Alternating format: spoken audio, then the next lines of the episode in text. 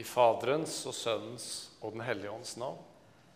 Sterkere enn døden er Guds kjærlighet.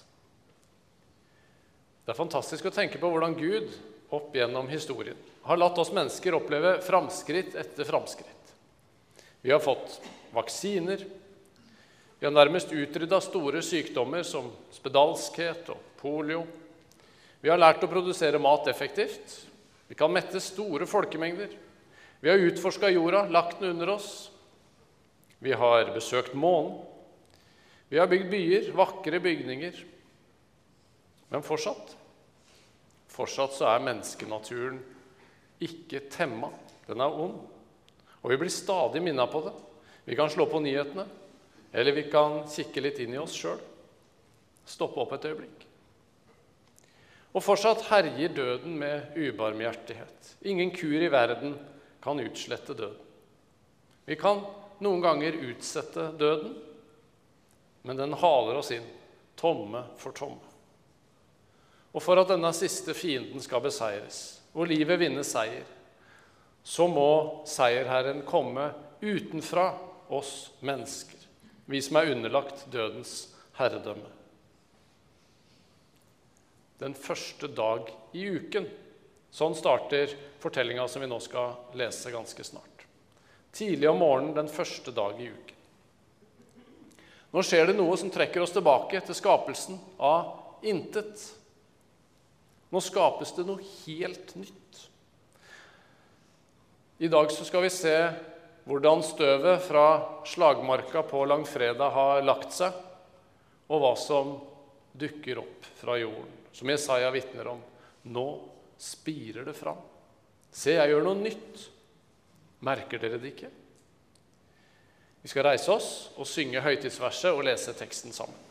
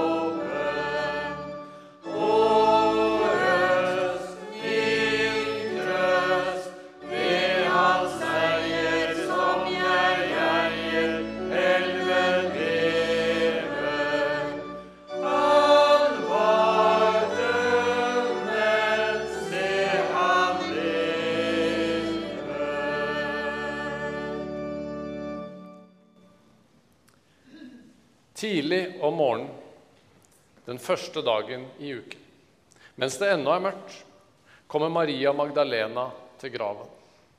Da ser hun at steinen foran graven er tatt bort. Hun løper av sted og kommer til Simon Peter og den andre disippelen, han som Jesus hadde kjær. Og hun sier, 'De har tatt Herren bort fra graven, og vi vet ikke hvor de har lagt ham.'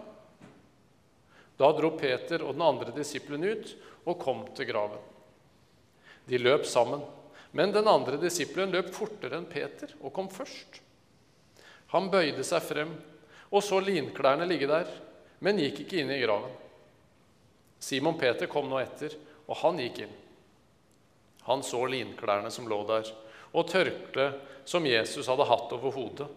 Det lå ikke sammen med linklærne, men sammenrullet på et sted for seg selv. Da gikk den andre disippelen også inn, han som var kommet først til graven. Han så og trodde.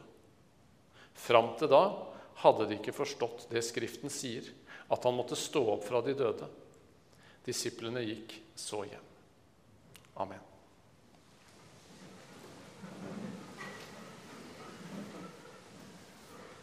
Evangelisten Johannes han har det med å zoome inn på personer og hendelser som skal gi oss et nært og sant møte med Mesteren. I dag så møter vi Maria Magdalena. Det var andre kvinner som også kom til grava denne morgenen, men Maria er i fokus. Dagen før, etter solnedgang, når sabbaten var over, så hadde de gjort i stand salver og olje. De hadde forberedt seg på denne morgenstunden. Og nå kom Maria til grava allerede mens det var mørkt. Sola var på vei opp. Maria kunne ikke vente lenger. Det var Jesus som hadde gjort Maria til den hun var. Hun hadde vært fanga av sju onde ånder, en slave under ondskapens krefter, bindet. Vi kan kanskje ikke se for oss hvordan det var, men nå hadde Jesus satt henne fri. Hun skyldte Jesus livet. Det visste hun. Og nå hadde hun sett Jesus på korset. Grått over han der. Hun hadde sett at de la ham i grava. Hun var med på alt. Og nå kom hun til grava så tidlig hun kunne dagen etter sabbaten for å salve Jesus. Et siste farvel i takknemlighet. Kanskje hadde hun tenkt på steinen på veien. Kvinner prata om den. Hva skulle de gjøre med den? Hvem skal rulle den vekk for oss? Denne praktiske bekymringa kunne ikke stoppe kjærligheten som disse kvinnene hadde til Jesus fra Nasaret. Han hadde sett dem. Han hadde reist dem opp. Han hadde gitt dem nytt liv og verdighet. Maria hun fikk ikke gitt sine gaver, salve og olje, for graven var tom. Maria fant ikke Jesus men som vi skal lese mer om i morgendagens tekst, er fortsettelse av den teksten her, så finner Jesus Maria. Oppstandelsen det er et vitnesbyrd om at Jesus finner oss uansett. Salmisten skriver om Gud i Salme 139. Stiger jeg opp til himmelen, er du der. Legger jeg meg i dødsriket, er du der. Jesus reiser ned til dødsriket for å binde død og djevel. Han river nøklene fra djevelens hånd og henter alle som er hans. Jesus finner oss i vår dødelighet, og han gir liv og udødelighet. Paulus han vitner i det brevet vi leste et utdrag fra i stad, Kolossebrevet. Dere var døde, sier han, pga. misgjerningene og deres uomskårne kjøtt og blod. Det er som om vi allerede var lagt i grava. Synden og skylda hadde lagt oss der. Steinen var stengt. Men Gud gjorde dere levende sammen med Kristus da han tilga oss alle våre misgjerninger. Tilgivelsens kraft, dere. Jesus viste seg som seierherre over synd, død og dermed djevel. Han kledde maktene og åndskreftene nakne og stilte dem fram til spott og spe da han viste seg som seierherre over dem på korset. Døden kunne ikke holde på Jesus. Og gjennom hans seier så har du og jeg seier. Vi står opp levende sammen med Jesus. Oppstandelsen fra de døde det var like uhørt og umulig den gangen som nå. Vi lider noen ganger av en sånn slags kronologisk arroganse. Fordi det skjedde for lenge siden, så tenker vi at ja, moderne mennesker vi, vi tenker at uh, de som levde på den tida, de var mindre opplyste, og de kunne lures lettere av jomfrufødsler og oppstandelser. Men det er en gedigen feilslutning. De visste akkurat like godt som oss at de døde ikke står opp. Det var ingen forventning blant disiplene om at dette skulle skje. Ordene Jesus hadde talt, de var skjult for dem. Og jødenes Messias-profetier de gikk ikke i denne retninga. De forventa ikke at Messias skulle dø og stå opp igjen. Dette var ikke iscenesatt av noen for å holde historien i gang litt til. Nei. Det var bunnløs sorg i fellesskapet i Jerusalem på påskeaften og langfredag. De satt i frykt bak stengte dører. Men de kunne heller ikke tvile på det de nå skulle komme til å skje. Jesus lever, graven brast. Han sto opp i guddomsveldet. Mange skulle se Jesus etter oppstandelsen. De skulle se ham spise, snakke. De fikk se på naglemerkene. De mottok Den hellige ånd, fikk kraft og frimodighet. Og de endte opp med å gå villig inn i lidelse og død, mange av dem. For det de visste med hele sitt liv, var sannheten. Livet vant, dets navn er Jesus. Døden hadde mistet sin brodd. Og kjære venner, oppstandelsen er et historisk faktum. Et ankerfeste for livet vårt og et sikkert håp for evigheten. Peter og disippelen Jesus elska det siste er nok Johannes, evangeliets forfatter, som ikke vil bruke navn om seg sjøl. De kommer løpende til graven på Marias ord. Johannes er raskest. Peter er mest frimodig, som vanlig, og stiger inn i grava. Johannes følger så etter.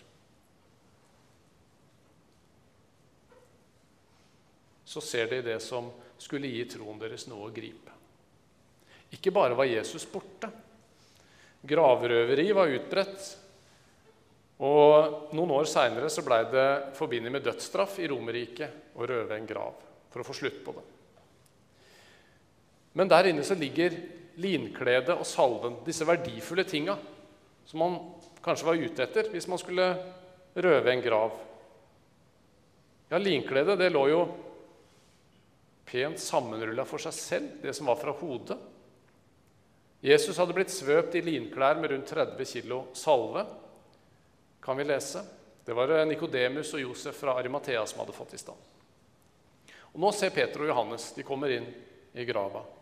Hodeplagget det er her, fint sammenrulla. Og der ligger resten av linklærne.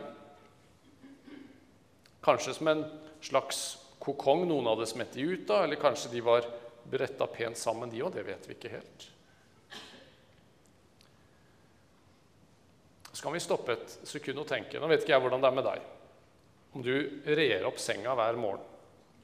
Jeg kan kanskje gjette på at jeg er ikke så flink til det. Det er noe med at Når man skal besøke den samme senga noen timer seinere, så virker det litt meningsløst å bruke tid på det. Men hvis jeg er på besøk, skal videre neste natt, så er det klart. Da reier jeg opp senga. Jeg skal jo ikke tilbake dit. Kanskje er det en liten ting vi kan ta imot med oss fra den teksten her. Likklærne de er nå reid opp. For Jesus han skal ikke tilbake til noe grav. Livet vant, dets navn er Jesus. Og Det samme skal vi få tenke om oss sjøl når vår time kommer. Jesus, nei, Johannes han så og trodde Skriften, står det. Tenkte han kanskje på Salme 16, vers 10? Der står det Du overgir ikke min sjel til dødsriket. Du lar ikke din trofaste tjener se graven. Eller kanskje tenk, tanken gikk til Hosea 6,2. Han gjør oss levende etter to dager. Den tredje dagen reiser han oss opp, så vi kan leve for hans ansikt. Eller kanskje var det hele Skriften som begynte å åpnes for Johannes. Nå falt i hvert fall den første brikka på plass i det som til sist skulle bli vitnesbyrdet i Johannes sitt brev det som var fra begynnelsen, det vi har hørt, det vi har sett med egne øyne, det vi så og som hendene våre tok på, det forkynner vi. Livets ord. Og livet ble åpenbart. Vi har sett det og vitner om det og forkynner dere det evige liv som var hos Far og ble åpenbart for oss. Nå ble det ordet de hadde hørt, det ble en kilde til tro og liv. Messias skulle lide og dø og den tredje dagen reises opp. Og så var det mye mer å oppdage for Peter og Johannes i dagene som kom, i åra som kom, og hele deres liv. Og Sånn er det også for oss. Det er fantastisk mye å oppdage hvis man lever nær Guds ord. Alltid noe nytt å se. Lasarus hadde noe tidligere blitt svøpt, kanskje på samme måten, og lagt i en grav i Betania utafor Jerusalem. Den gangen så ropte Jesus når han kom etter fire dager, på Lasarus. 'Lasarus, kom ut!' Da kom den døde ut med liksvøp rundt hender og føtter og med et tørkle bundet over ansiktet. Der har vi hodetørkle. Jesus sa til dem, 'Løs ham og la ham gå'. Lasarus kom ut med sin gamle kropp. Bundet i linklærne, kunne knapt nok bevege seg, antageligvis. Han måtte løses. Sånn var det ikke med Jesus. Døden hadde ikke lenger noe makt over Jesus. Linklærne de lå igjen, sammenbretta som et siste farvel. Ingen makt kan holde Jesus nede. Evig skal døden være Kristus underlagt. Og Implikasjonen av det er jo helt ufattelige. Ingenting kan holde deg nede heller, som er i Kristus. Du vil en dag smette ut av likeklærne. Det gamle mennesket skal ligge igjen. Synd og dødelighet. I Romerne 6, sånn som i Kolosserne 2, så bretter Paulus dette mysteriet ut. Han bruker mye tid på det fordi det er så utrolig viktig. Har vi vokst sammen med Kristus i en død som er lik hans? Paulus prater da om dåpen. Så skal vi være ett med ham i en oppstandelse som er lik hans. Ett med Kristus. I tro og dåp så har du vokst sammen med Kristus. Og du eier og er med i Jesus' seier over døden. Er vi døde med Kristus, fortsetter Paulus, tror vi at vi også skal leve med ham. Jesus han har blitt førstegrøden, den som brøyter opp og går opp veien, så vi trygt kan følge etter, dit han leder. Oppstandelsen den åpner døra for en helt ny måte å forstå livet på. Det er alltid framtid og håp til stede. Også når du kjenner at livet og livsutfoldelsen her på jorda er ja, Den lammes og hemmes av likklær som binder deg, sånn som Lasarus. Du vil bli fri en gang. Du vil bli helt fri. Du vil bevege deg fritt på en nyskapt og velsigna jord. Og du vil være deg.